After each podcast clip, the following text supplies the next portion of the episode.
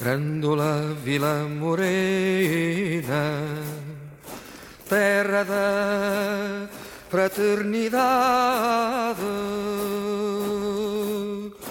O povo é quem mais ordena dentro de ti a cidade. Witajcie w pierwszym odcinku Emancypacji, podcastu historycznego, w którym ja będę mówił, e, a czasami także moi goście będą mówić o rewolucjach, przewrotach, dywersji, subwersji, zjawiskach z zakresu oporu społecznego, z zakresu kontrkultury, kontestacji, e, o wszystkich sprawach, o których e, dość modnie jest mówić, ale mm, my będziemy starać się zastanawiać nad rzeczami może trochę niedoreprezentowanymi w oficjalnej historiografii, albo przynajmniej takiej historiografii, która jest e, powszechnie znana, powszechnie dostępna.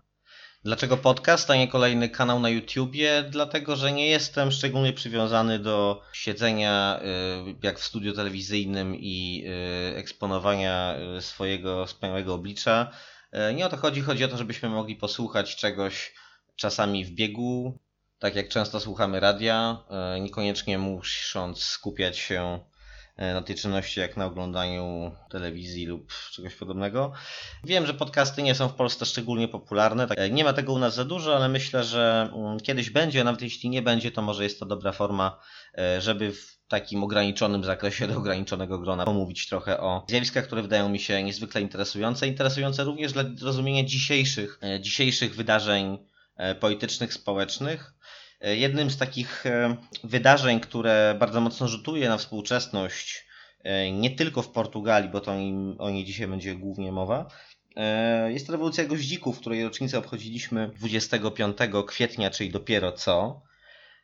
Rewolucja goździków, czyli kres 48-letniej dyktatury. Dyktatury, mm, jak często się mówi, faszystowskiej. O tym, czy mm, faktycznie była ona faszystowska, czy to jest precyzyjne ujęcie sprawy, nazywanie jej faszystowską, e, będę mówił w dalszej części programu.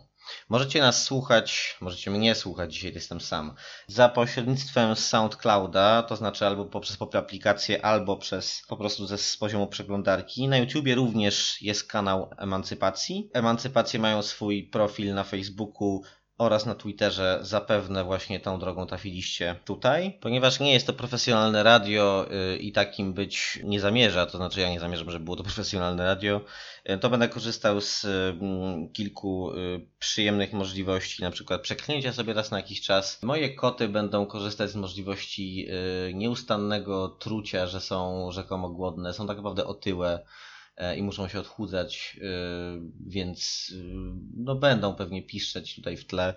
Bardzo przepraszam za te dodatkowe efekty. Zwierzęta nie są maltretowane.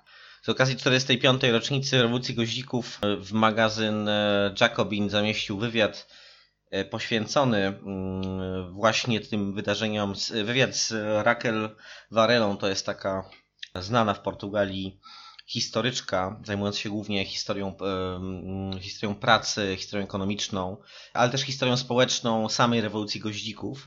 Opublikowała na ten temat chyba 10 książek. To jest bardzo ciekawy wywiad, w którym ona bardzo ciekawie opowiada o, o sednie tej rewolucji, sednie, które według mnie jest bardzo istotne dla rozumienia pewnych dzisiejszych e, protestów, nie tylko w samej Portugalii, ale w ogóle na, do, dla rozumienia pewnej dynamiki ruchów demokratycznych. Raquel Varela bardzo ciekawie mówi tam o starciach wewnątrz tego, tej wielkiej mobilizacji demokratycznej, która doprowadziła do, do upadku dyktatury nowego państwa. Nowego państwa Estado Nowu. E, no właśnie, e, zanim przejdziemy do samej rewolucji goździków, warto zastanowić się trochę nad historycznym kontekstem. E, w ramach tego zastanowienia się wróćmy aż do roku 1910, kiedy kiedy to miała miejsce pierwsza rewolucja portugalska. To określenie stosowane jest zarówno, no ono jest stosowane do kilku e, wydarzeń historycznych, e, może nie będziemy się nad tym szczególnie tutaj rozwodzić, natomiast w 1910 roku powstaje, powstaje Republika Portugalska. Pierwsza Republika, obalona zostaje dynastia Braganza, i przez następnych 16 lat trwa y, potężny burdel polityczny. E, pomimo ustanowienia demokratycznego ustroju, e, no tak jak to w ogóle bywało w dwudziestoleciu międzywojennym, y, czy w ogóle w pierwszej połowie XX wieku w Europie, w całej Europie właściwie mamy do czynienia z potworną niestabilnością polityczną, łącznie z 45 rządami, które w Portugalii, w peryferyjnej jednak Portugalii, imperialnej i peryferyjnej jednocześnie, porozmawiamy o tym za chwilę, mamy do czynienia z licznymi zamachami politycznymi, z niestabilnością gospodarczą, z potwornym zacofaniem, które nijak nie może być przewalczone właśnie poprzez nieustanne E, zmiany rządów, e, e, rozmaite wojny polityczne i tak dalej. Co kładzie kres temu, temu chaosowi? Ano nic nie kładzie mu kresu w sposób nagły, natomiast w oficjalnej historiografii E, przedstawia się to tak, że e, w 26 roku dochodzi, podobnie jak w Polsce, tak, dochodzi do ukrócenia tej podstawowej, czyli do ograniczenia, do wydatnego ograniczenia tego chaosu poprzez ustanowienie, o właśnie, to jest kotka, nie wiem czy ją słychać, strasznie się drze w tej chwili, nie dostaniesz więcej jedzenia w tej chwili. Jeszcze nie jest twoja pora. W każdym razie, w 26 roku mamy do czynienia z przewrotem, e, z ustanowieniem tak zwanej dyktatury wojskowej. Ten okres się nazywa, dwuletni okres, lata 26-28, nazywa się ditadura militar. E, kończy go przesilenie polityczne, a raczej zdobycie władzy przez człowieka, który budował wokół siebie przez dobrych kilka lat. Potężny ruch, który ostatecznie przerodził się w partię polityczną, ale w też taką no, wieloklasowe przymierze e, polityczne, które no, wyniosło, e, wyniosło e, do władzy te siły, które potem przez 48 lat rządziły Portugalią. Ten człowiek to Antonio de Oliveira Salazar, dyktator, człowiek u steru władzy portugalskiej przez niemal mm, pół wieku. Człowiek pochodzący z, z dość ubogiej rodziny, który ukończył seminarium duchowne, przyjął nawet jakieś niższe święcenia, ostatecznie nie został katolickim księdzem, natomiast jego związki z kościołem katolickim e, na zawsze już określą, znaczy na zawsze, no cały okres dyktatury nowego państwa określą no, charakter ustroju i charakter polityki społecznej i kulturalnej tej Portugalii zwanej faszystowską. Zwanej faszystowską zarówno przez przeciwników politycznych Salazara w kraju i za granicą, jak i przez e, społeczeństwo portugalskie u progu padku dyktatury. Tak? Ona była postrzegana jako faszystowska właśnie. Okres 28, 1928-1933 nazywany jest dyktaturą narodową czy nacjonalistyczną, diktatura nacional. No i to jest okres właściwie pozbywania się demokracji liberalnej przez Salazara, którego zwieńczeniem jest właśnie w 1933 roku ustanowienie Estado Novo. Jak widzimy, te daty pokrywają się z, z, z datami e, no, dojścia, dochodzenia do władzy różnych antydemokratycznych sił w Europie. No, rok 26 chociażby, e, no to jest rok zamachu majowego Polsce, przejęcie kontroli nad państwem przez powstający obóz sanacyjny pod wodzą Piłsudskiego. Rok 1933 to oczywiście wygrane przez NSDAP wybory e, wybory w Niemczech. To oczywiście znamienne, tak? Natomiast e, e, to nie na tej podstawie jeszcze, czy można, można zastanawiać się, czy nazywać dyktaturę Salazara faszystowską. Zwłaszcza, że no, są czynniki, które istotnie odróżniają e, system panujący w Portugalii od faszyzmu włoskiego i niemieckiego chociażby, a także od dyktatury generała Franco e, w Hiszpanii. E, ale, ale o tym za chwilę. Ten okres Estado Novo obejmuje lata 33-74. Kończy go właśnie rewolucja goździków, która jest głównym tematem dzisiejszego premierowego odcinka Emancypacji, ale dla, dla zrozumienia źródeł nowego państwa oraz charakteru tej specyficznej formy ustrojowej, mm, no, należy też y, zwrócić uwagę na długą historię kolonializmu e, portugalskiego. Kolonializmu, który wydaje się być specyficzny i jak niektórzy chcą, miałby się istotnie odróżniać od kolonializmów, e, od imperializmów kolonialnych brytyjskiego i francuskiego na przykład oraz innych mocarstw europejskich.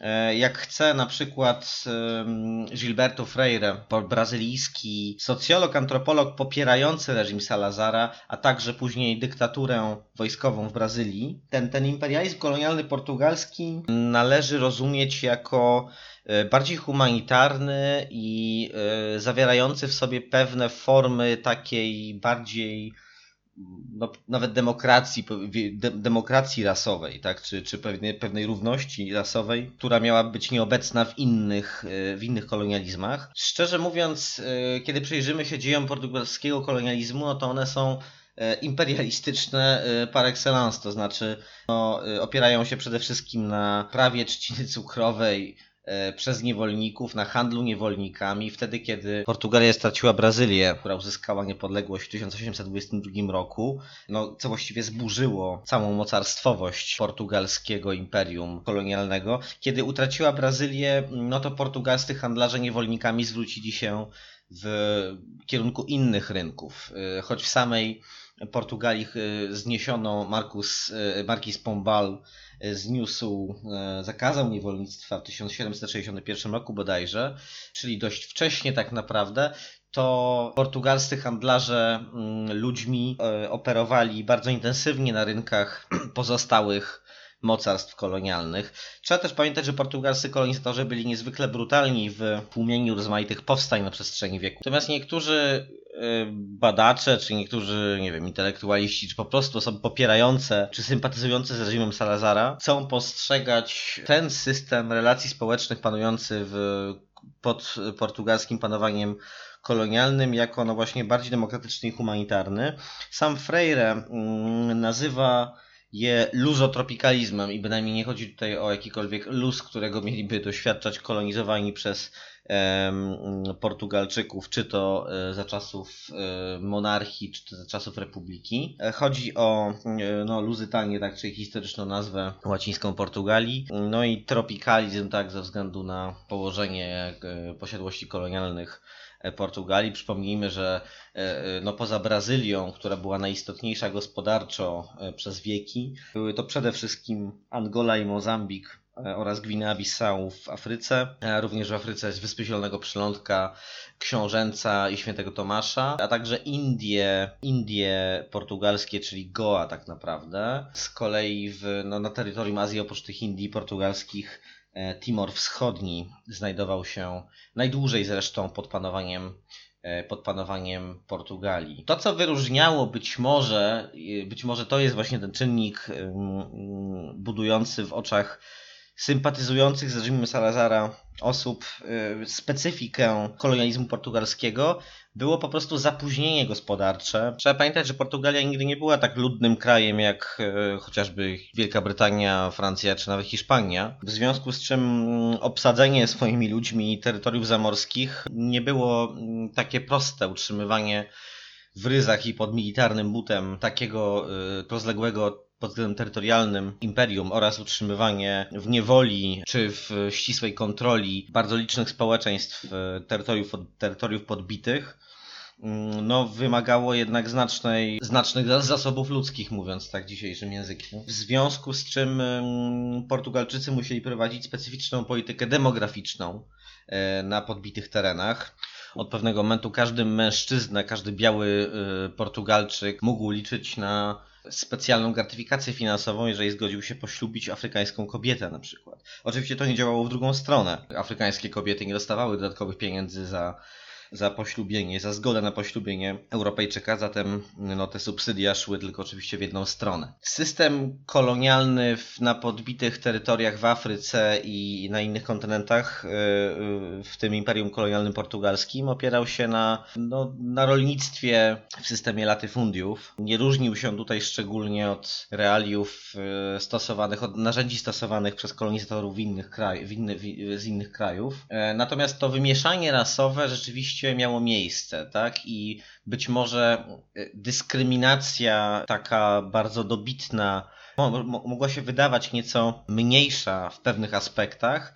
Natomiast no, sam fakt osoby o mieszanym etnosie, tak o mieszanych e, e, o mieszanym pochodzeniu, o wielorasowej tożsamości, tak, mogły liczyć na nieco lepszą pozycję w społeczeństwie mm, imperium kolonialnego niż na przykład w imperium brytyjskim, to jeszcze nie świadczy o tym, że Portugalia, no właśnie jak chcą niektórzy, nie była imperium kolonialnym, ale krajem, którym no, według tych osób ma charakteryzować pojęcie wielokontynentalizmu. To jest taka koncepcja geopolityczna, według której Portugalia no właśnie nie posiadała imperium, ale stanowiła jedno państwo, państwo leżące na kilku kontynentach zamieszkane przez jeden naród e, o wielorasowym charakterze. Jeżeli przyjrzymy się działaniom Francuzów w Algierii chociażby, tak Algierii, która stanowiła w systemie kolonialnym francuskim integralną część Francji, to właściwie mamy ten sam, powiedziałbym, idiom prawny tutaj.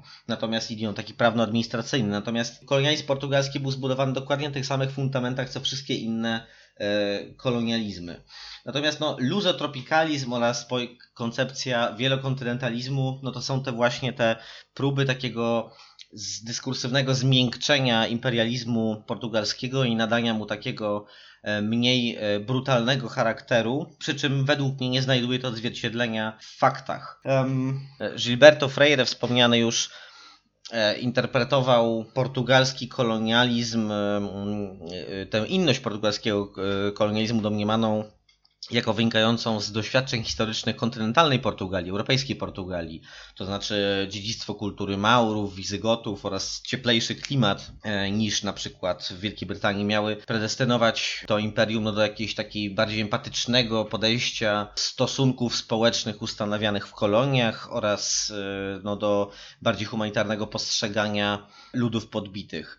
Tak naprawdę, no ja przynajmniej uznaję to za legitymizację dość typowej gospodarki kolonialnej i ucisku e, o, ucisku o, o, o, charakterze kolonialnym, imperialistycznym. Zatem e, teorie Freire znakomicie odzwierciedlają ideologię kolonialną Estadonową, która za maską afirmacji wieloetniczności ukrywała brutalną ekstrakcję bogactw z kolonii właśnie, a to subsydiowanie osadnictwa mm, europejskiego w specyficzny sposób, jak chociażby te dodatki małżeńskie, że tak powiem, E, no to jeszcze nie jest świadectwo żadnych, żadnego bardziej ludzkiego podejścia. W czasie II wojny, światowej mm, i Portugalia zachowała neutralność, głównie dlatego, że Salazar bardzo obawiał się e, utraty imperium kolonialnego na rzecz, na rzecz Wielkiej Brytanii, to znaczy bał się, że wobec słabości państwa portugalskiego, w przypadku sprzymierzenia się z państwami osi, E,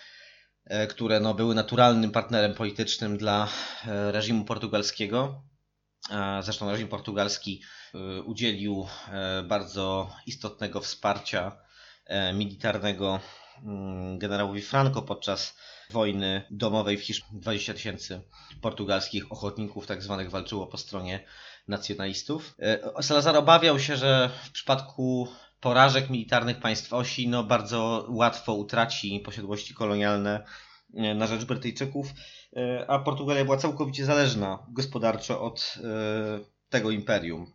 To było ostatnie tego typu imperium w Europie, ostatnie tradycyjne w cudzysłowie imperium kolonialne w Europie, które po wojnie, kiedy Salazar no już nie mógł grać e, na dwa fronty, ponieważ w czasie II wojny światowej sprzedawał na przykład Wolfram Niemcom, udostępnił z drugiej strony bazy wojskowe, bazy lotnicze na Azorach, strategicznie położone e, aliantom. Po II wojnie, kiedy już nie mógł grać na dwie strony, no należało zrobić coś, żeby pozycję Portugalii umocnić, no i też zabezpieczyć się niejako przed E, krytykami stosunków e, społecznych panujących w Portugalii i tego reżimu politycznego.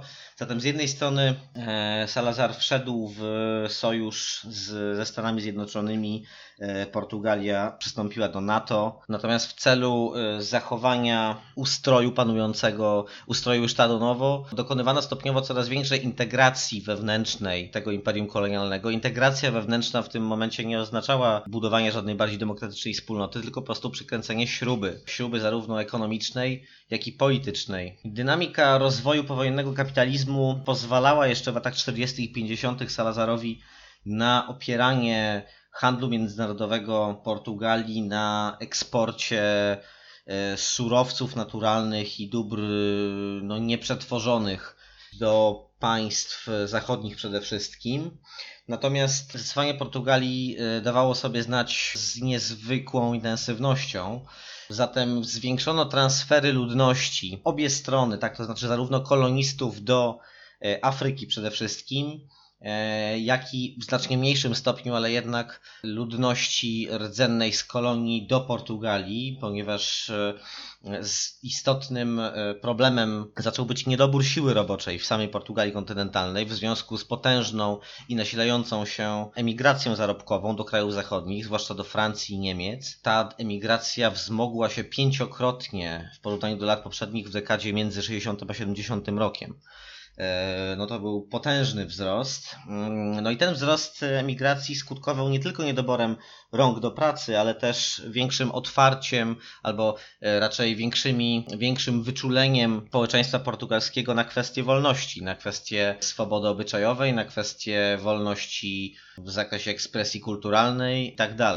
E, Portugalia, Estado Novo to był jednak ultrakonserwatywny reżim oparty na ścisłym związku e, Kościoła katolickiego z państwem, na ustroju korporacyjnym, korporacjach, e, na korpor korporacjonizmie w kulejącym przemyśle. Ustrój korporacyjny e, był tak naprawdę gwarancją oligopolu wielkich firm rodzinnych, które funkcjonowały w gospodarce portugalskiej. E, no, wielkie takie klanowe firmy kontrolowały kluczowe, kluczowe branże przemysłu, przy czym Portugalia pozostawała krajem rolniczym, niedorozwiniętym krajem rolniczym, krajem o olbrzymich nierównościach e, ekonomicznych e, i społecznych. Za skalę zacofania Portugalii obrazują dane dotyczące edukacji.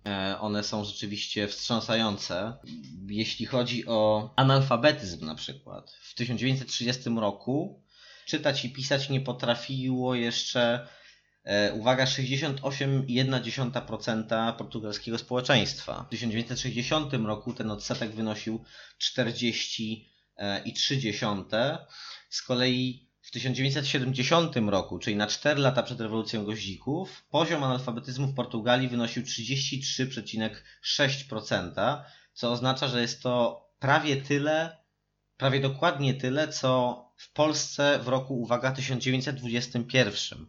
Zatem kolonialna Portugalia, imperium e, rozciągające się na kilka kontynentów, była najbardziej zapóźnionym pod względem e, edukacji, jakości życia ogółu społeczeństwa w Europie Zachodniej. To jest ten, pod, ten podstawowy wyróżnik e, decydujący o specyfice portugalskiego imperializmu. Radykalny, skrajny niedorozwój, złączony jednocześnie z ze skrajną eksploatacją e, bogactw e, w koloniach. Zresztą efekty tego niedorozwoju zwalczano i zwalcza się wciąż. Zwalczano bardzo długo, zwalcza się je wciąż. E, jeśli chodzi o mm, edukację, to odsetek osób z wykształceniem uniwersyteckim w 60 roku wynosił 0,6. W 1970 roku, czyli 10 lat później, e, zaledwie 1,5% Portugalczyków miało e, dyplom uniwersytecki, a w 2001 roku, czyli jeszcze całkiem niedawno, ten odsetek wynosił 10,8, co czyni Portugalię jednym z najgorzej wyedukowanych społeczeństw w e, Europie Zachodniej. Powojenne ubóstwo i rządy silnej ręki e, z ogromnymi wpływami Kościoła katolickiego, jak powiedziałem, e, utrzymywały względną izolację kraju, ale autarkiczne ambicje Salazara nie wytrzymały próby czasu związanej z kulturowym przesileniem lat 60. 70. Protesty przeciwko dyktaturze zaczęły wybuchać jeszcze w latach 50. Tutaj istotnym momentem jest rok 1958, gdy odbyły się wybory prezydenckie, w których zgłosił się kandydat opozycyjny, opozycyjny w stosunku do reżimu, ale z tego reżimu wyrosły. Był nim Umberto Delgado, wojskowy, generał, wcześniej antydemokrata, mocno zaczepiony w strukturach salazarowskiego państwa. E, w latach 30. był entuzjastą Hitlera, pisywał artykuły wychwalające e, ruchy faszystowskie w Niemczech i w, we Włoszech. Był też człowiekiem o dużych ambicjach osobistych, co się często podkreśla mm, w różnych tekstach e, historycznych. Pomimo oczywiście dużej mobilizacji społecznej, zwłaszcza w dużych miastach wokół jego kandydatury, otrzymał tylko 25% głosów. Wyniki zostały prawdopodobnie sfałszowane, jednak nie jest jasne, czy e, Americo Thomas, e, skrajnie konserwatywny kandydat salazarowski, mógłby rzeczywiście z nim przegrać, więc jakby nie wiadomo, nie, nie, nie do końca nie ma, nie ma zgody co do, do, nie ma jasności co do skali tego wyborczego fałszerstwa. Delgado został następnie wydalony z armii i wyjechał do Brazylii, ale próbował wrócić do Portugalii, będąc no, taką jedną z głównych figur emigracyjnego ruchu antyrządowego, prodemokratycznego i w 1965 roku został zamordowany przy, podczas próby przekroczenia granicy portugalskiej, granicy portu, hiszpańsko-portugalskiej.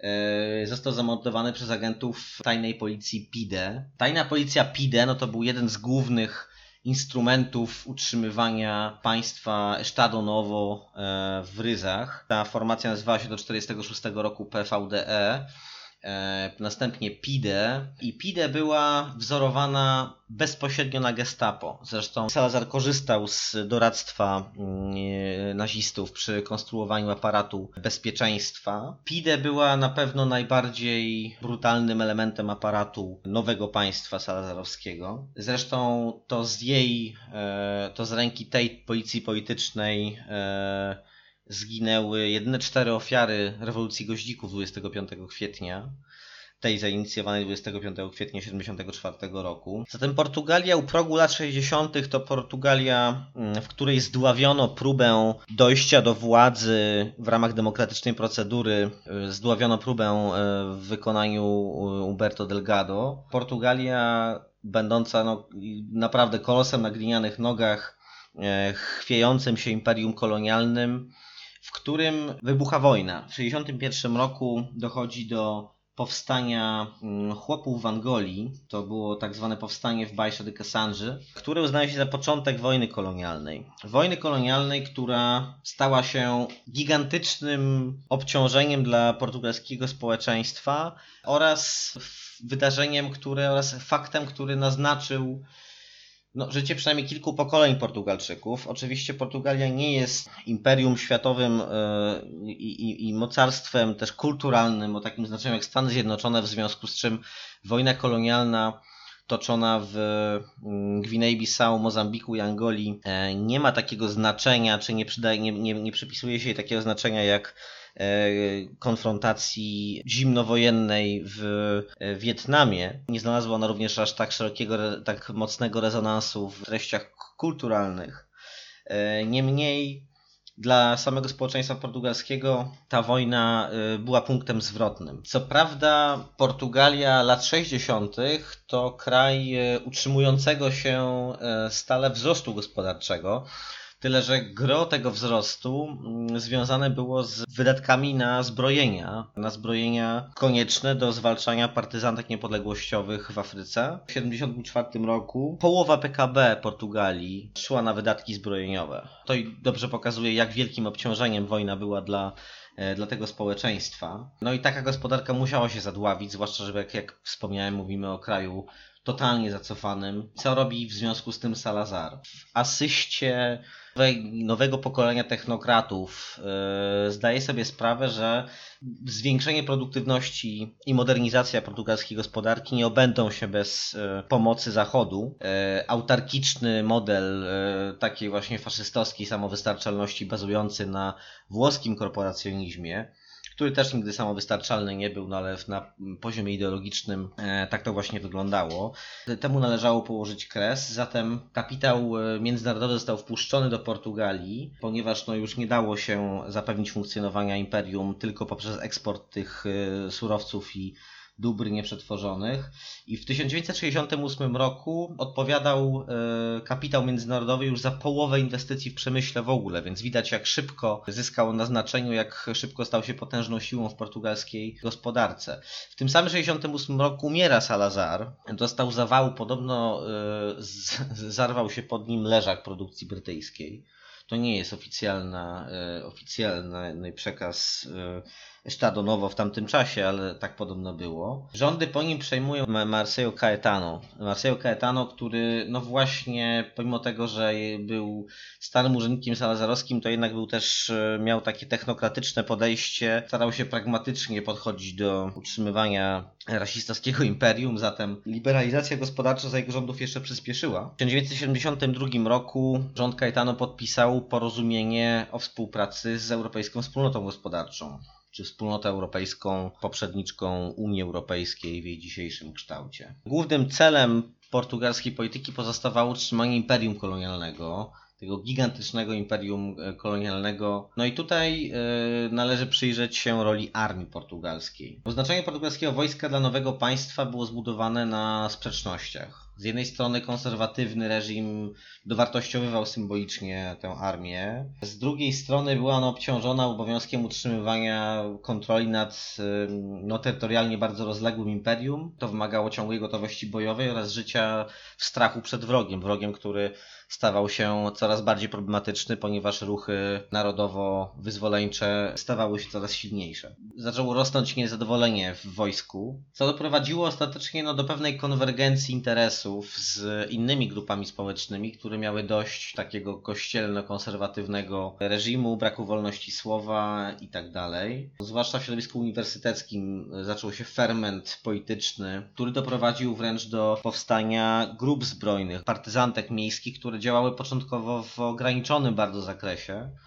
To były na przykład rewolucyjna akcja zbrojna związana z portugalską partią komunistyczną i grupa inspirująca się gewaryzmem, myślą i praktyką polityczną Che Guevary. Grupa krytyczna wobec prosowieckich komunistów yy, o nazwie Brygady Rewolucyjne, która następnie przekształciła się w rewolucyjną partię proletariatu, brygady rewolucyjne. To były pierwsze skrajnie lewicowe grupy w środowisku uniwersyteckim. No może nie pierwsze, ale pierwsze, które e, stały się widoczne dla portugalskiego społeczeństwa. Natomiast jeśli chodzi o armię, to w 1973 roku nastąpiło przesilenie, ponieważ e, obciążenie samego wojska i też społeczeństwa stawało się tak duże, E, trauma związana z wojną kolonialną stawała się nie do zniesienia. I w 1973 roku powstaje ruch nazywany Ruchem Kapitanów, czyli protoplasta MFA, czyli Movimento das Forças Armadas, czyli Ruchu Sił Zbrojnych. Tworzyli go głównie młodsi oficerowie.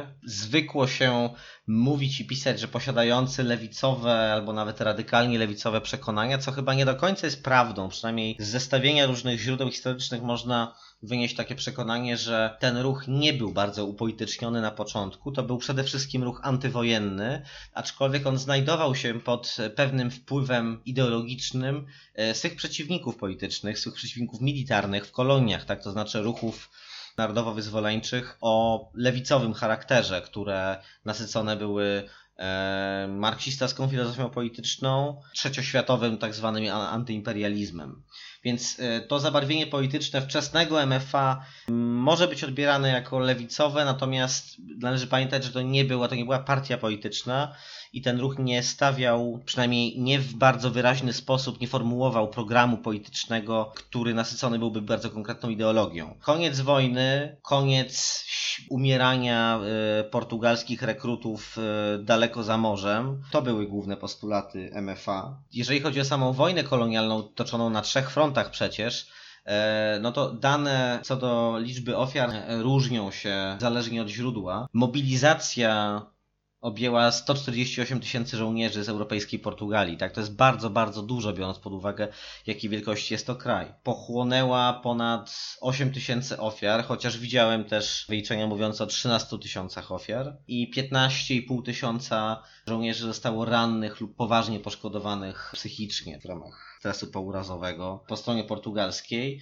Natomiast straty po stronie E, ruchów wyzwoleńczych w Angolii, Mozambiku, Gwinei-Bissau były e, wielokrotnie wyższe. Mówi się, to są szacunki, że zginęło ponad 100 tysięcy Afrykanów, żołnierzy i, e, i cywilów. Walki cechowało ogromne okrucieństwo. Te okrucieństwa miały być doświadczeniem tak wielkiej masy młodych Portugalczyków. W 1967 roku statystycznie to właściwie prawie wszyscy rekruci portugalskiej armii musieli odbyć dwuletnią służbę w Afryce. Bezpośrednie zagrożenie wyjazdem do piekła stało się takim no, podstawowym doświadczeniem generacyjnym, podobnie jak w przypadku wojny wietnamskiej.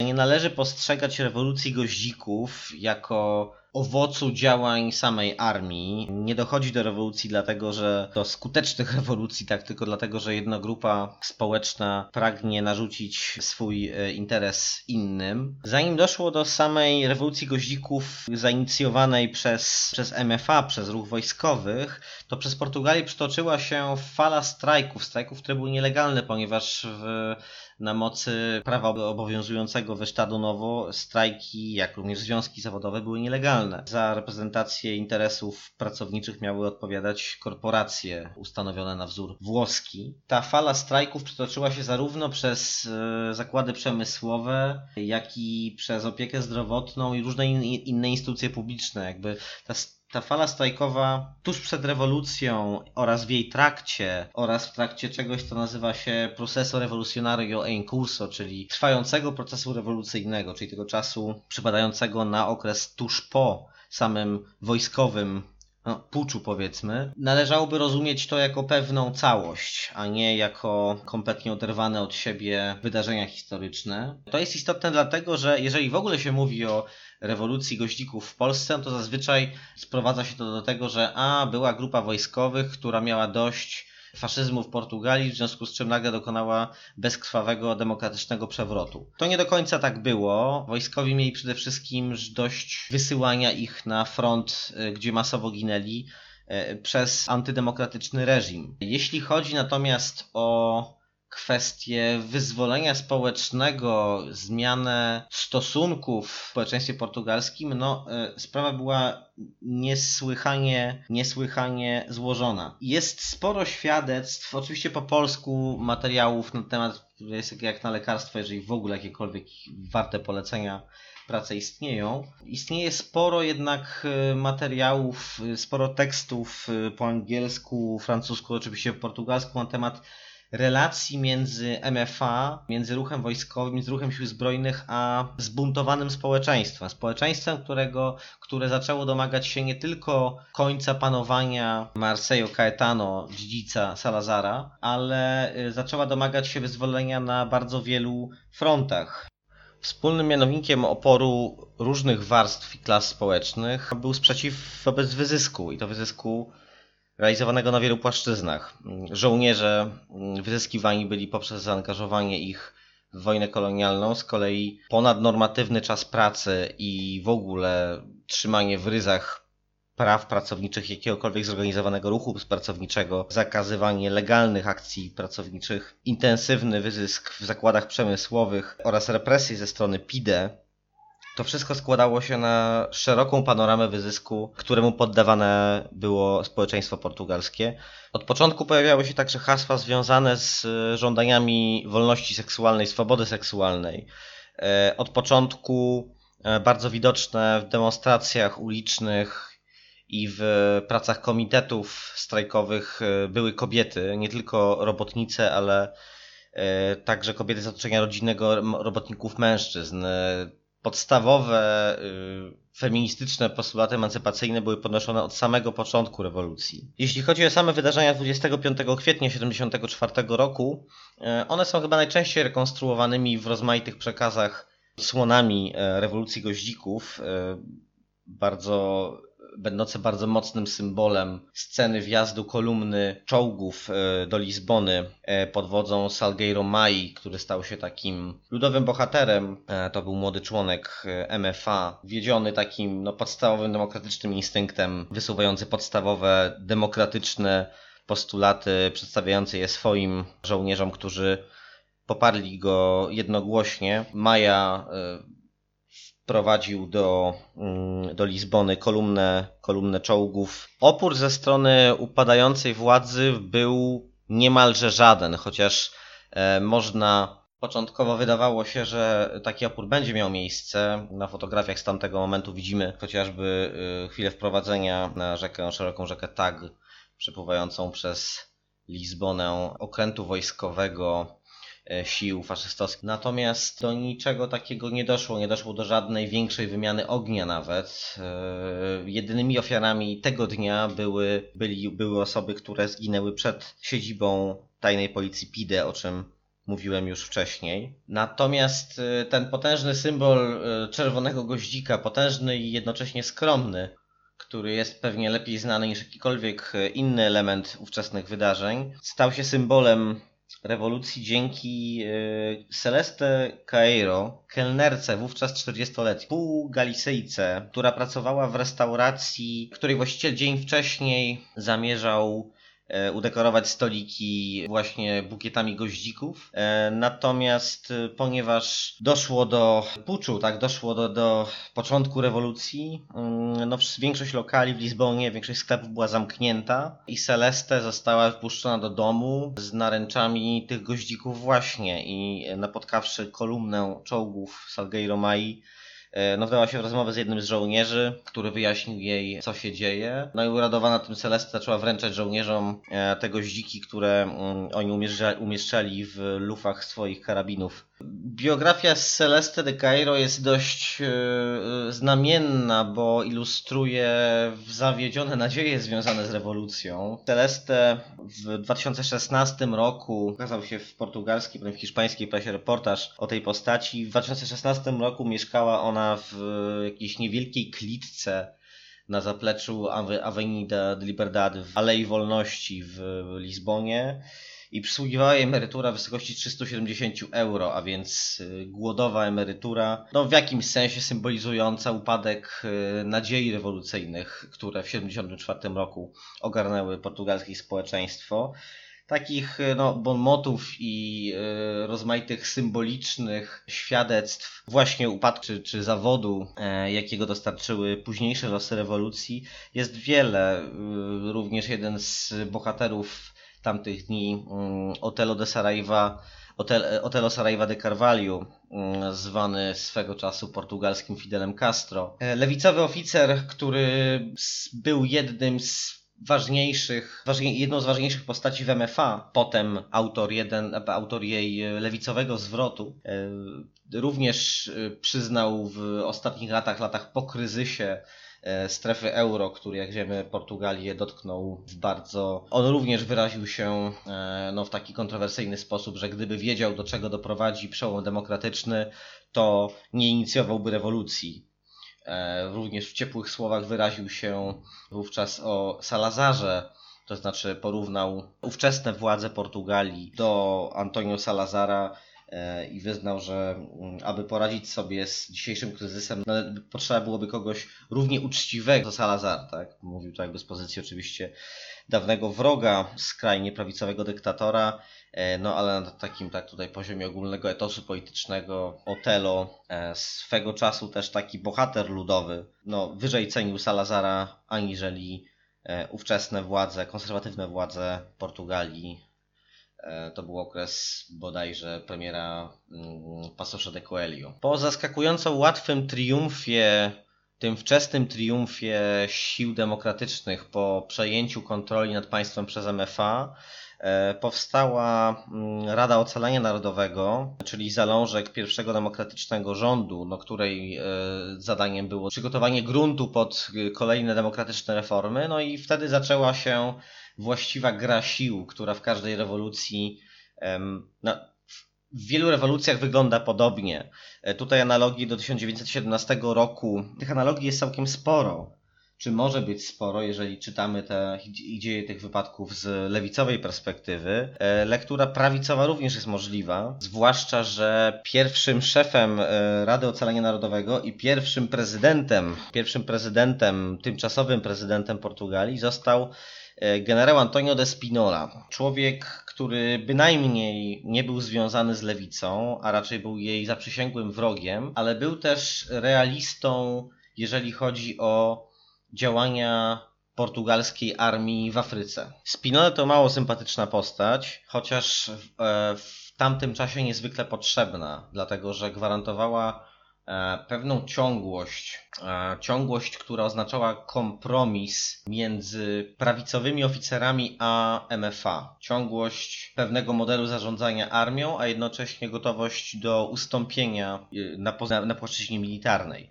Spinola wcale nie był zwolennikiem dekolonizacji, był jednak chętny do szybkiego zaprzestania działań wojennych. Natomiast, y, no tak jak wspomniałem, jest to postać, była to postać dość odpychająca.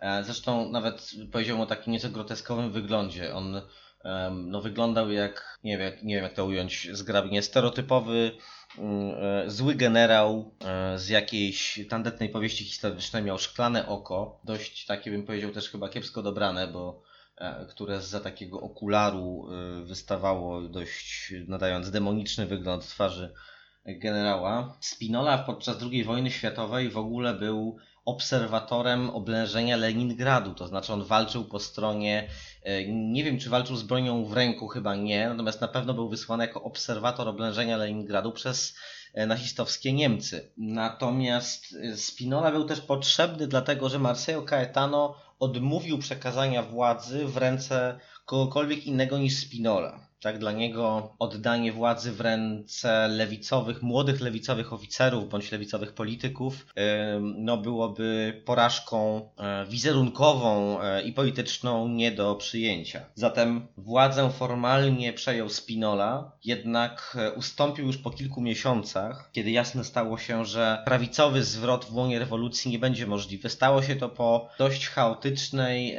i tak naprawdę niezbyt spektakularnej próbie puczu prawicowego w marcu 75 roku. Natomiast y, ten, y, ten moment położył kres nadziejom politycznym Spinoli. Ostatecznie ten y, no, zaciekły antykomunista i wróg wszelkiej lewicy nie mógł się pogodzić, nie mógł się pogodzić z dominacją szeroko pojętego ruchu lewicowego w łonie rodzącej się portugalskiej demokracji i wyjechał do Brazylii. Najpierw do Hiszpanii, następnie do Brazylii, po czym stał się wiodącą postacią antyrewolucyjnej, kontrrewolucyjnej reakcji, bowiem został mm, liderem takiej siatki opozycyjnej, która zresztą podejmowała działania terrorystyczne na terenie Portugalii. Została zinfiltrowana i opisana swego czasu przez e, niemieckiego dziennikarza śledczego Günthera Wallrafa, którego kilka książek, z tego co wiem, wyszło również po polsku. Natomiast no, dzieje polityczne Spinoli właściwie na tym się E,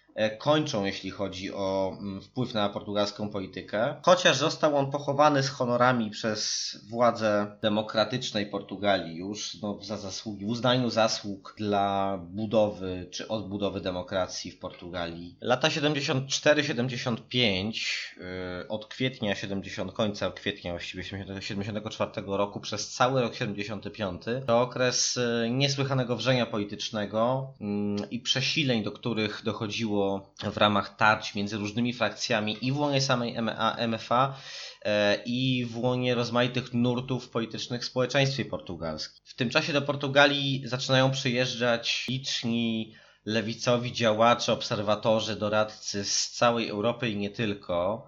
E, i to oni są autorami, autorkami ważnych e, relacji z tam, opisujących tamte wypadki. Emisariuszy europejskiej, nie tylko lewicy, było tak wielu jak nurtów w łonie samej lewicy portugalskiej. Najistotniejszych siłach politycznych, w, no, no właśnie w kształtujących ówczesną portugalską lewicę i mających wpływ na rozwój rewolucji. Niezwykle ważna jest tutaj, e, ważna i ambiwalentna mm, była rola portugalskiej partii komunistycznej. E, partia ta została założona w 21 roku przez cały okres dyktatury Estado Novo była oczywiście nielegalna. Partii tej przewodził Alvaro Cunhal, taka postać z jednej strony posiadająca mm, no, wizerunek y, bohatera ludowego i niezwykle zasłużona w pewnych walkach. On współorganizował e, strajki jeszcze no, w głębokim Estado Novo y, w latach 40 współorganizował strajki chłopskie. Kunial wyróżniał się niezwykle konsekwentnym poparciem dla wszystkiego, co robił Związek Radziecki. Również z uwzględnieniem e, inwazji na Węgry w 1956 roku oraz na Czechosłowację w 1968 roku. On był niezwykle konsekwentnym stalinistą, chociaż może nie wychwalającym samego Stalina do końca swych dni. Kunial w 60 roku, w 1960 roku w sposób niezwykle spektakularny uciekł z więzienia w Penisze. Penisz, Estoril, Kaszkajsz, te wszystkie nazwy y, zapewne mówią coś y, miłośnikom, miłośniczkom surfingu. Te wszystkie kurorty na portugalskim wybrzeżu Atlantyku były jednocześnie miejscami, w których istniały więzienia. E, więzienia dla e, wrogów politycznych, nie tylko wrogów politycznych, ale tam przetrzymywani byli w, skraj, w strasznych warunkach zresztą więźniowie polityczni reżimu Sztadonowu. To były także więzienia, które, e, z których chętnie korzystali przyjaciele e, Salazara z CIA. Tam zresztą też przy udziale konsultantów niemieckich jeszcze ze stażem w gestapo testowano rozmaite metody tortur, tak na przykład broń dźwiękową albo eksperymenty związane z trzymaniem więźniów w bardzo długo, w długotrwałym, długotrwałej izolacji, w długotrwałym odosobnieniu. E, poddawanie ich eksperymentom, poddawano ich eksperymentom związanym z deprywacją snu, e, głodzono, więc e, Kunial w 60 roku uciekł z tego, z takiego więzienia. W oficjalnej propagandzie Sztadonowo mówiono o tym, że u wybrzeży Portugalii, właśnie obok Peniszy, czekała na niego sowiecka łódź podwodna, którą miał uciec do Moskwy. Punial faktycznie przedostał się do Moskwy, natomiast no wielce wątpliwe jest to, żeby czynił to za pomocą radzieckiej łodzi podwodnej. Natomiast sama portugalska partia komunistyczna, pomimo jej niekwestionowanych zasług e, w walce z reżimem, w budowaniu oporu społecznego, w budowaniu oporu robotniczego odegrała rolę hamulcowego rewolucji tak naprawdę. To znaczy wspólnie z MFA, wspólnie z wojskowymi oraz wspólnie z utworzoną na emigracji w 1973 roku partią socjalistyczną Mario Suareza. Mario Suarez to był z jednej strony wielki rywal polityczny Kuniala, z drugiej strony jego, jego obrońca podczas procesów politycznych. Wspólnie z tymi e, organizacjami organizacjami Kunial i komuniści dążyli raczej do nadania rewolucji takiego uporządkowanego charakteru w tym sensie, żeby dławić wszelkie e, przejawy oddolnego tworzenia kontrwładzy. E, oznaczało to, że partia komunistyczna musiała podjąć bardzo szczególną robotę w związkach zawodowych i w tworzących się spontanicznie, często niezależnie, a nawet w opozycji do oficjalnych struktur związkowych, komitetach strajkowych, komitetach ludowych, tworzonych zarówno e, w zakładach przemysłowych, jak i e, w rolnictwie. Powstawały w, tuż po rewolucji zaczęły powstawać e, inicjatywy spółdzielcze, mające na celu mm, reorganizację nieużytków rolnych, e, reorganizację latyfundiów, ponieważ wielu przedsiębiorców, wielu właścicieli ziemskich opuściło swoje posiadłości w obawie przed rewolucją komunistyczną, e, no to pojawiło się sporo przemysłowych i rolnych nieużytków. Państwo portugalskie z nowymi demokratycznymi władzami stanęło mm, na rozdrożu, musiało zdecydować, czy powierzyć władzę nad reorganizacją życia gospodarczego i politycznego, no tym właśnie oddolnym inicjatywom, czy jednak e, podążać drogą, e, do której usilnie zachęcali e, zachodni partnerzy. Na przykład niemiecka SPD, która sfinansowała powstanie socjalistycznej partii Suaresza. Podobno był to jej największy wydatek finansowy w powojennej historii SPD największy jednorazowy wydatek. Również Amerykanie, prezydent Gerald Ford, który niesłychanie obawiał się tak zwanego czerwonego punktu zapalnego w obrębie Morza Śródziemnego, wiedział, że w Portugalii nie da powtórzyć się tego, co rok wcześniej stało się w Chile. Przypomnijmy, w roku 1973 doszło do zamachu stanu, w wyniku którego obalono demokratycznie wybranego lewicowego prezydenta Salvadora Allende. Nastroje społeczne w portugalskiej armii wykluczały repetę wypadków z Chile. Samo MFA, sama MFA była w tym e, momencie już niesłychanie podzielona. Tam dochodziło do instalowania kolejnych rządów przejściowych, raz bardziej lewicowych, raz mniej. Był taki okres, w którym Vasco Gonçalves, popierany przez partię e, komunistyczną, ale jednak od niej w jakimś sensie niezależny, e, został premierem na krótko, ale premierem, który no, wydawał się mieć najwy, najwyraźniej lewicowy głos e, w całym MFA. E, natomiast te targi polityczne i na, na nastawanie po sobie kolejnych e, wojskowych rządów lewicowych nie jest szczególnie istotne, wydaje mi się. Często się, e, czy to historycy, czy dziennikarze przedstawiający losy rewolucji portugalskiej skupiają się właśnie na mm, sukcesji kolejnych, kolejnych gabinetów przejściowych i na ich barwach politycznych. Według mnie jest to mniej frapujące i mniej istotne dla dynamiki całej rewolucji niż to, co działo się w jej sercu, w jej w łonie ruchu robotniczego, w łonie ruchu chłopskiego, a tam działo się bardzo wiele. Jak wspomniałem wcześniej, e, napływ zachodniego kapitału do Portugalii w latach 60. i 70. tchnął nieco życia w podupadającą gospodarkę kraju, natomiast e, nie oznaczało to wcale e, poprawy warunków portugalskich pracowników. Zagraniczne korporacje chętnie korzystały z taniej i przyzwyczajonej do represji siły roboczej w Portugalii. Fala strajków, która nieprzerwanie od 1973 roku obejmowała coraz więcej zakładów e, w całym kraju, e, dotknęła również tych przedsiębiorstw zagranicznych. Tutaj e, znamienny jest przypadek fabryki Timexa, znanego amerykańskiego producenta zegarków, Timex miał swoje, miał swoje fabryki w Portugalii. Pracownicy Timexa podjęli akcję strajkową, podczas której e, wysuwali coraz to odważniejsze żądania płacowe. Podobno działo się to trochę przypadkiem, ktoś nie dosłyszał, jaka jest realna kwota, jaka jest prawdziwa kwota e, stawiana jako żądanie przez komitet strajkowy. Źle powtórzył, okazało się, że żądano y, y, w istocie 100 eskudo mniej niż mm, przedstawiono to potem pracodawcom. E, jednak załoga była tam niesłychanie bojowa. Podobno dochodziło do sytuacji, w której robotnicy rozdawali e, kosztowne zegarki Timexa e, żołnierzom oraz cywilom gromadzącym się na ulicach. Odważne akcje pracownicze w tamtym czasie doprowadziły do, wymogły właściwie na MFA nacjonalizację wielu zakładów, pozbycie się faszystów z kierownictwa tych zakładów. Ten proces był znany jako saneamento, ozdrowienie, sanacja można wręcz rzec.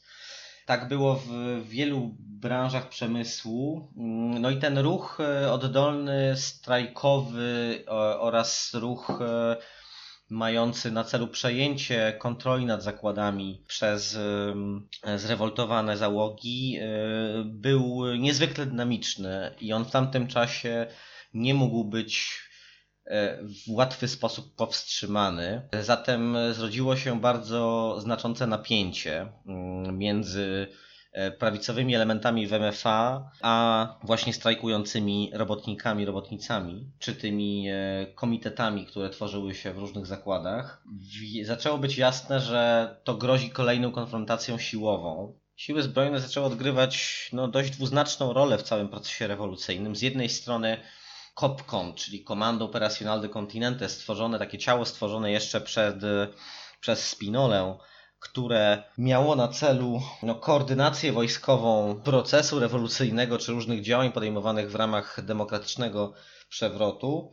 Z jednej strony ten, ta formacja y, chroniła, a nawet wspierała czynnie przejęcia nieużytków rolnych oraz wielkich latyfundiów przez, przez, przez masy chłopskie. Z drugiej strony dochodziło do pewnych tarć między demonstrantami, zwłaszcza tymi o e, radykalnie lewicowych sympatiach i Kopkonu właśnie podczas demonstracji ulicznych w większych miastach. Szefem Kopkon był e, Otelo Saraiva de Carvalho wspomniany, e, w który no, do końca pozostawał w nurcie lewicowym e, MFA mm, do tego stopnia, że nawet e, już po, kiedy stało się jasne, że rewolucja nie, be, nie przetrwa w radykalnie lewicowym wydaniu, e, no to Otelo Saraiva de Carvalho przez pewien czas angażował się nawet w działania subwersyjne, czy działania pewnego podziemia rewolucyjnego, nawet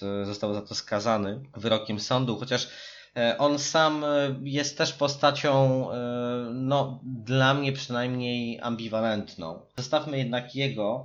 To napięcie między wojskiem oraz jego poplecznikami politycznymi, czyli partią komunistyczną Alvaro Cuniala oraz partią socjalistyczną Mario Suareza, zaczynało mm, istotnie wpływać na nastroje w całym społeczeństwie. Przy czym trzeba zaznaczyć, że e, partia socjalistyczna i partia komunistyczna rywalizowały ze sobą e, w ramach kolejnych gabinetów przejściowych, kolejnych rządów przejściowych. Relacje między nimi układały się różnie. Partia socjalistyczna Suaresza przez lewicowych oficerów w MFA była postrzegana jako partia burżuazyjna, jako siła hamująca rewolucję. Z drugiej strony, w niektórych chwilach socjaliści przyjmowali znacznie bardziej lewicowe stanowisko od komunistów. Dochodziło do, w tym całym rewolucyjnym wrzeniu dochodziło do e, groteskowych e, e, momentami sytuacji, kiedy na przykład partia komunistyczna popierała legislację antystrajkową, to znaczy legalizującą strajki, ale legalizującą większość form strajkowych, ale na przykład zakazującą strajków solidarnościowych po to, y, aby no, nie paraliżować y, całości y, bardzo słabej i chwiejnej gospodarki. Kunial i komuniści stali na stanowisku, że e, zapóźnienie e, cywilizacyjno-gospodarcze Portugalii wymaga sojuszu klasowego i budowania gospodarki nowoczesnej, przemysłowej gospodarki od podstaw, zatem no first things first. E, rewolucję i oddolne budowanie uczestnictwa mas w polityce chcieli zostawić na później, przynajmniej tak to może wynikać z ówczesnych deklaracji i z ówczesnych posunięć politycznych. Takie zabiegi partii komunistycznej w niektórych momentach e, atakowali socjaliści. Socjaliści, którzy jeszcze w 1973 roku, gdy ta partia powstawała, odwołując się trochę do dziedzictwa przedwojennej e, portugalskiej partii socjalistycznej, z którą szczerze mówiąc niewiele miała wspólnego pod względem ideologicznym i to też nie jest żaden ukłon w stronę przedwojennych socjalistów portugalskich, bo to była dość dziwna konstrukcja polityczna. Natomiast Suarez um, uchodził jednak na lewicy za takiego obrońcę, choć zasłużony człowiek, tak zasłużony działacz opozycji jeszcze w czasach, w czasach kampanii wyborczej Umberto Delgado E, jego doradca, potem prawnik. Pomimo tego e, no, uchodził on za osobę, która chciałaby przekształcić proces rewolucyjny w, w demokrację liberalną, w parlamentarną demokrację liberalną e, i podążać drogą lewicy zachodnioeuropejskiej w budowaniu silnego państwa socjalnego, no, stępieniu i stępianiu y, ostrza rewolucji, to znaczy niedopuszczenie do, powsta- niedopuszczenie do powstania kontrwładzy robotniczej czy kontrwładzy ludowej. W rocznicę rewolucji goździków 25 kwietnia 1975 roku mm, odbyły się pierwsze całkowicie wolne wybory parlamentarne które okazały się wielkim sukcesem Partii Socjalistycznej, która zdobyła niemalże 38% głosów, podczas gdy komuniści, mm, na komunistów oddało swoje głosy nieco ponad 12,5% uprawnionych wyborców. E, ponad 4% e, uzyskała partia MDP, takich koalicjant późniejszy. To był okres wielkiego, wielkiego triumfu partii socjalistycznej. Partii socjalistycznej, która miała poparcie zagranicy, miała także za sobą poparcie Amerykanów, którzy, tak jak wspomniałem wcześniej, e, niesłychanie obawiali się wrzenia rewolucyjnego w basenie Morza Śródziemnego, zatem no, e, socjaldemokracja socjaldemokracją, ale lepsze to takie rozwiązanie niż e, bardziej radykalny przewrót w państwie no, jednak położonym w sercu tego, co mm, Amerykanie uznawali za tak zwany cywilizowany świat. Pomimo rewolucyjnych nastrojów w społeczeństwie portugalskim, pomimo mm, radykalizacji w łonie ruchów społecznych, e, Wybory w 1975, roku pokazały jasno, że mm, społeczeństwo zaczyna też być zmęczone ciągłym wrzeniem, niestabilnością, kryzysem e, gospodarczym, kryzysem uchodźczym związanym z E, masowym napływem tak zwanych retornados, tak, czyli tych powracających osadników, powracających do Portugalii kontynentalnej osadników z wyzwalających się kolonii. To wszystko wpłynęło na chęć ustabilizowania sytuacji, no i sprzyjało umiarkowanym siłom politycznym, umiarkowanym siłom lewicowym i centrolewicowym. Niemniej to był okres niesłychanego wrzenia ulicznego również E, cały czas w miastach, okupacji e, posiadłości rolnych e, na, wsia, na wsi. W tych demonstracjach ulicznych i w radykalizacji robotników i chłopów cały czas wielką rolę odgrywały mm, odgrywały stronnictwa lewicy rewolucyjnej, które miały również sporo zwolenników w lewicowych frakcjach MFA. To był ten moment, kiedy MFA rzeczywiście zaczynało jawić się jako formacja z jednej strony wypalająca się trochę, bo e, już e, no, za sobą odegranie tej swojej największej historycznej roli, czyli zainicjowanie samego przewrotu i uwolnienie innych sił społecznych, uwolnienie głosu e, ludowego. Natomiast w, w, jej, w łonie MFA pozostawało jeszcze wielu lewicowo nastawionych oficerów, którzy radykalizowali się wraz z rozwojem rewolucji Mm, natomiast lewica rewolucyjna o tyle, o ile była widoczna bardzo na ulicach portugalskich miast i miasteczek oraz wsi, no, nie, nie, nie uzyskała znaczącego poparcia w wyborach. E, warto może wspomnieć tutaj o kilku formacjach, formacjach zarówno partyjnych, jak i mających takie przedłużenie w ruchach społecznych. Kwestia partyjności jest tu jednak istotna, dlatego że partie polityczne były wówczas postrzegane jako jedna z głównych sił demokratycznej zmiany. W wyborach w 1975 roku wzięło udział prawie 92% uprawnionych do głosowania, więc to pokazuje skalę zaangażowania społecznego w mm, no, demokrację wybieralną, e, w wiarę w tę, w tę formę demokracji. Natomiast wśród tych formacji, które odegrały istotną rolę, mm, znalazły się na przykład e, no, przedziwna partia mm, maoistowska, e, komunistyczna partia portugalskich robotników, ruch na rzecz reorganizacji partii proletariatu. Ta nazwa no wiele mówi o, radykal, o, radyk, o, o radykalizmie tej, tej, tej partii. E, natomiast jej działacze e, byli niesłychanie zasłużeni dla walk zarówno jeszcze podczas e, pod panowaniem Estado Novo. Partia ta sama powstała w 1973 roku bodajże, natomiast maoiści, mm, bo właśnie taki profil miała ta portugalska partia mm, Portu... Maoiści działają w ramach swojej partii po dziś dzień. E, no jest to partia, która z, od początku rewolucji goździków atakowała głównie, poza faszystami oczywiście, atakowała e, komunistyczną partię Portugalii, zarzucając jej mm, no, socjalfaszyzm, czyli mm, postawę, to jest teoria tak wymyślona przez Stalina, E, dla mm, określenia e, socjaldemokracji w latach 30., e, socjaldemokracji europejskiej. No, stalinowska biurokratyczna teoria, mm, która tak naprawdę była preludium do, do, która w dużej mierze ograniczyła, czy nawet uniemożliwiła powstanie skutecznej e, e, robotniczej tamy, e, która powstrzymałaby rozwój ruchu faszystowskiego w Europie.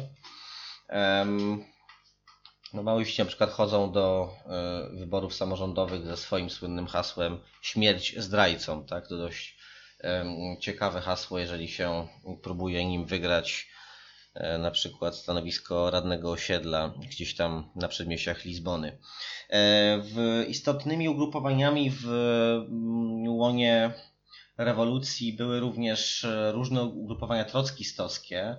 Kilku orientacji, tak jak wiadomo, jest w tym ruchu sporo. Wiele z nich, wiele czołowych postaci tamtych dni lewicy trockistowskiej dzisiaj stoi czy działa po prostu w bloku lewicy, tej szerokiej koalicji, będącej w fazie wzrostowej cały czas, e, reprezentowanej w portugalskim parlamencie, no i będącym głosem e, radykalnej e, lewicy.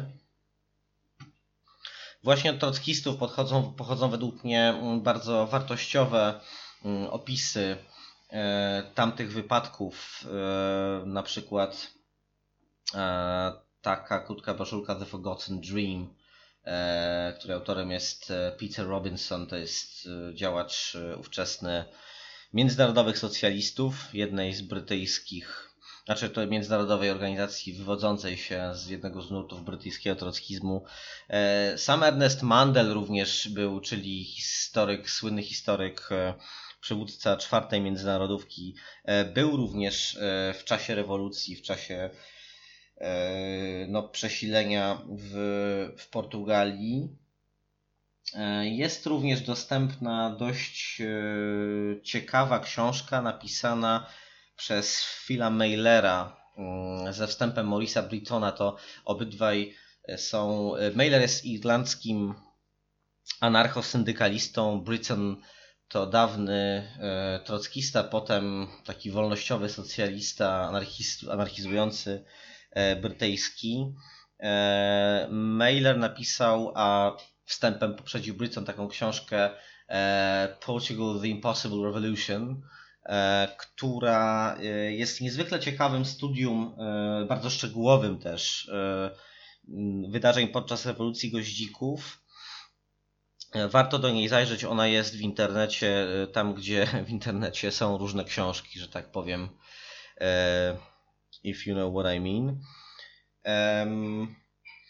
I e, to jest ciekawe, dlatego że Mailer pisze ją, tę książkę z pozycji anarchistycznych właśnie, a anarchiści właściwie byli nieobecni w rewolucji goździków. To znaczy w żadnej zorganizowanej formie no nie, nie, nie odegrali istotnej roli w tym procesie.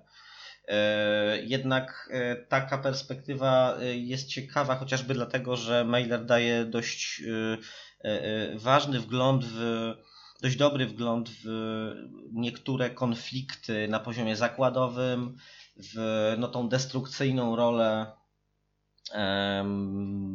partii komunistycznej, partii socjalistycznej dla no, tej oddolnej ludowej mobilizacji, przejmowania zakładów i tak. Jest też ciekawa ze względu no, na różne anegdotyczne, mm, anegdo, na różne anegdoty. Mm, gorąco polecam. E, niedawno e, przetłumaczono na angielski także książkę wspomnianej już kilkukrotnie mm, Raquel Varelli. E, to się nazywa chyba The People's History of the Portuguese Revolution. Mm, wydana przez Pluto Press książka. E, wszystkie te pozycje bardzo gorąco polecam. E, myślę, że zaledwie e, liznąłem temat rewolucji portugalskiej, ale spróbuję teraz jakoś trochę zrekapitulować mm, to, co zostało powiedziane.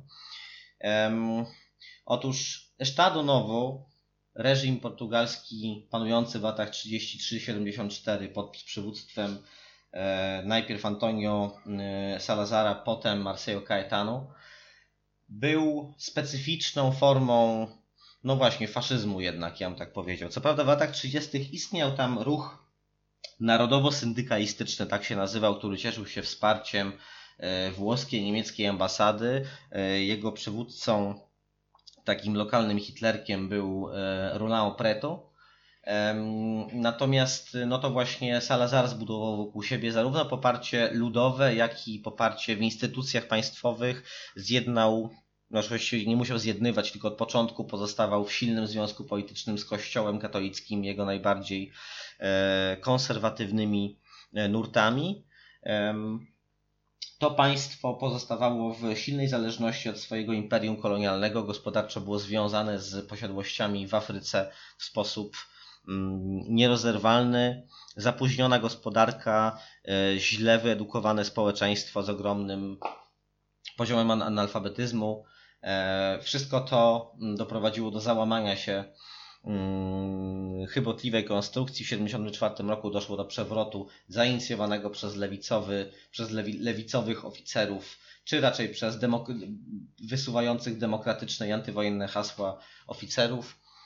Następnie Mm, doszło do rewolucyjnego wrzenia e, z mm, wielonurtowym konfliktem politycznym e, w Portugalii. Ruch ten zaczął się wypalać powoli po wyborach w 1975 roku. No i mieliśmy do czynienia przez 18 miesięcy e, no, z bezprecedensowym rewolucyjnym festiwalem nadziei w Europie Zachodniej i to w państwie kolonialnym, tak, właśnie y, zrzucającym e, z siebie ustrój kolonialny.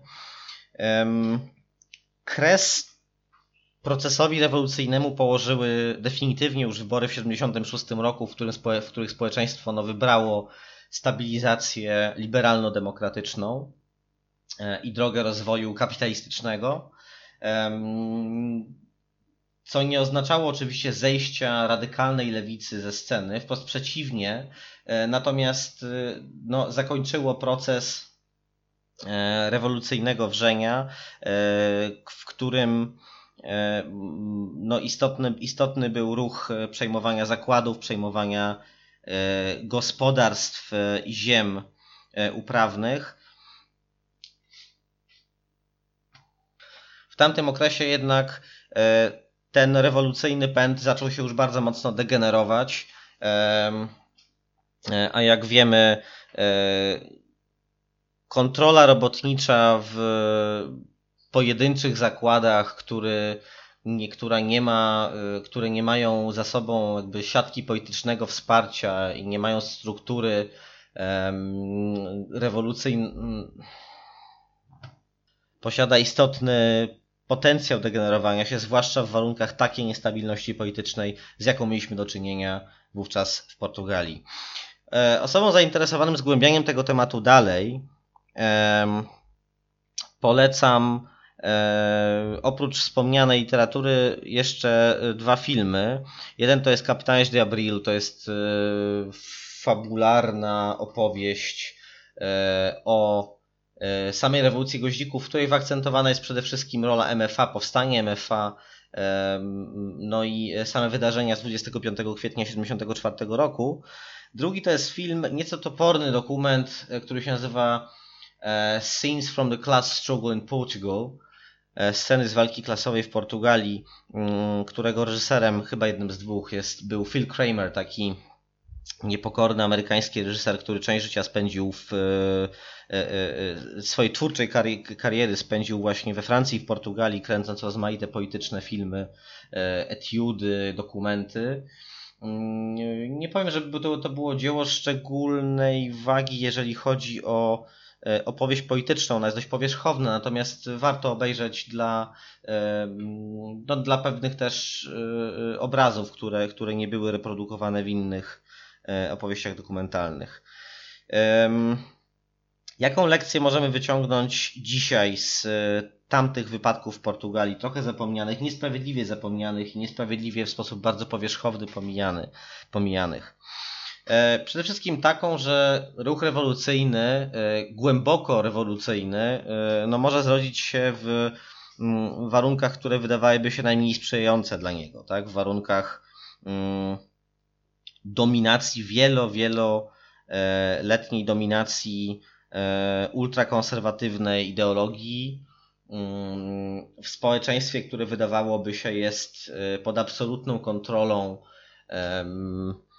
no, e, religijno-konserwatywnej władzy mm, i tak dalej. Wiele, wiele mówi to o spontaniczności procesów rewolucyjnych, na podstawie doświadczeń z rewolucji goździków e, wiele może też powiedzieć o roli armii w przewrotach społecznych, w przesileniach demokratycznych. E, to napięcie i ta ambiwalencja wpisane w tę rolę e, są no, z niesłychaną dobitnością dały o sobie znać właśnie w 1974-1975 roku. Myślę, że warto studiować tamte, tamte wypadki. To są bardzo pouczające, mm, bardzo pouczające wydarzenia. E, trzeba też pamiętać, że dziedzictwo rewolucji portugalskiej e, mocno wryło się w świadomość e, portugalskiego społeczeństwa w dobie kryzysu, niedawnego kryzysu finansowego, gospodarczego, politycznego, który dotknął Portugalię z niezwykłą siłą. Rewolucyjne pieśni, rewolucyjne slogany i symbole powróciły. Oczywiście głównie na, w, w takiej, no tylko powiedziałbym, popkulturowej, postaci takiego popkulturowego przetworzenia. E, nie mieliśmy do czynienia z mm, istotnym, z jakimś realnym powrotem do tamtych idei. Z drugiej strony należy pamiętać, że Portugalia dzisiaj jest rządzona przez, jako jedno z niewielu e, państw w Europie Zachodniej, rządzona jest przez lewicę i w Portugalii no, stawia się pewien opór Mm, trojce, tak, jakby kontroli e, unijnych, międzynarodowych instytucji finansowych, które mm, żądają od Portugalii pokryzysowej no, odpowiedniej polityki e, cięć. Zatem to dziedzictwo no, gdzieś tam żyje i jest istotne. Pokazuje ono też, czy sama rewolucja goździków pokazała, mm, jak wiele sprzeczności E, e, może istnieć w łonie e, współczesnego państwa kapitalistycznego, jak kategorie imperializmu i peryferyjności mogą być ze sobą splecione, jak wiele paradoksów politycznych taka sytuacja może stwarzać. Dziękuję bardzo, to był pierwszy odcinek Emancypacji. Niebawem, niebawem spotkamy się po raz kolejny. Tematem kolejnego odcinka będzie Irlandia. E, a raczej e, dziedzictwo irlandzkiego republikanizmu, który również dzisiaj jest przetwarzany popkulturowo w serialach, filmach itd. Tak sporo mówi się o tak zwanej nowej IRA. Przyjrzymy się trochę e, historii mm, irlandzkiego oporu, nie tylko oporu po jednej i po drugiej stronie tej sekciarskiej wojny, ale także oporu przeciwko wojnie. E, przeciwko konfliktowi e, mm, polityczno-etniczno-religijnemu. Zastanowimy się też nad naturą tego konfliktu. E, z kolei w jednym z następnych odcinków mam nadzieję, że będziemy gościć ekspertkę mm, od tego tematu, a będziemy zastanawiać się nad Bundem, nad historią partii Bund. Skłoniły mnie do tego flagi bundu, które pojawiły się na niezależnych obchodach rocznicy powstania w getcie warszawskim. E, ciekawe są bardzo i ważne dla historii polskiej polityki i zupełnie niereprezentowane dzieje bundu, e, więc powiemy trochę o historii tej żydowskiej partii robotniczej, zarówno jej historii mm, wczesnej, to partia powstała w 1897 roku, jak i tej historii E, e, krótkiej historii powojennej na ziemiach polskich i nie tylko. Do usłyszenia.